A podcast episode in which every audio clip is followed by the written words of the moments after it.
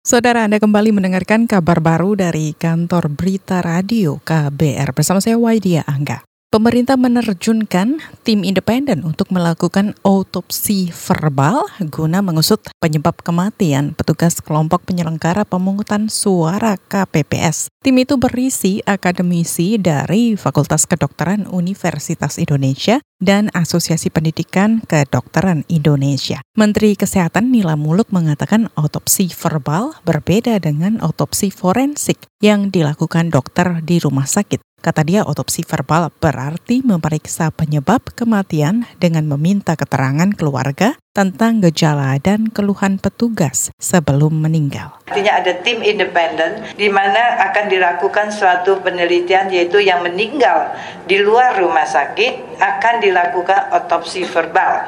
Otopsi verbal bukan otopsi forensik, artinya ini dilakukan penyebab kematian ini ditanyakan kepada tentu keluarga eh, dengan eh, orang-orang di sekitarnya di mana tentu kita bisa juga akan mendapatkan. Menteri Kesehatan Nila Muluk mengklaim tingkat akurasi otopsi verbal mencapai 80 persen, sehingga layak jadi bahan evaluasi untuk pemilu berikutnya. Saudara, hingga saat ini petugas KPPS yang meninggal mencapai 485 orang. Sebanyak hampir 40 persen di antaranya telah diotopsi forensik.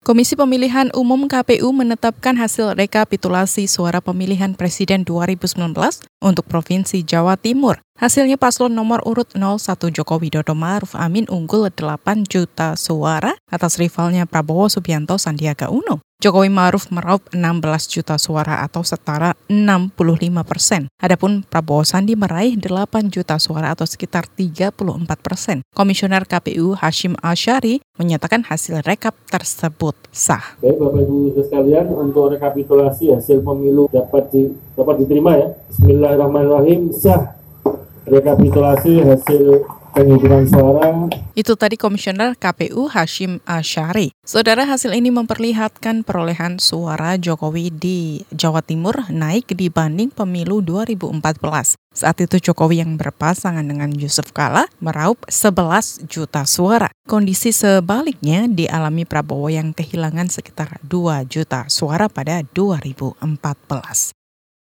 Kita ke berita lainnya, Densus 88 anti teror menangkap satu terduga teroris di Sukoharjo, Jawa Tengah. Selengkapnya bersama kontributor KBR di Solo, Yuda Satriawan. Seorang warga di perumahan Geraha Tiara 2 Gumpang, Sukoharjo ditangkap Densus 88 anti teror. Ketua RT setempat Nur Alim membenarkan penangkapan warganya tersebut pagi tadi. Bahkan Nur ikut menyaksikan proses penggeledahan rumah warganya yang ditangkap Densus 88 itu. E, kejadiannya ya sehabis subuh mas, sekitar ya. banyak lah, 6 lebih itu. Oh. Pakai mobil, ada mobil satu sama motor ada oh. dua gitu kan. Tato langsung bawa gitu. Ah, tato langsung di, dirangkul gitu. Nggak ada perawanan inisialnya A. Kelahiran 94 nih mas. Seharinya biasa mas. Dia itu kan pedagang nah apa sedawet sama jualan he itu ya. jadi kesehariannya ya cuman dagang gitu aja jualan ya kita juga kaget terjadi peristiwa itu kan. Lebih lanjut Nur mengungkapkan tidak ada perilaku aneh ataupun kecurigaan warga pada warga berinisial A yang diduga ditangkap Densus 88 ini.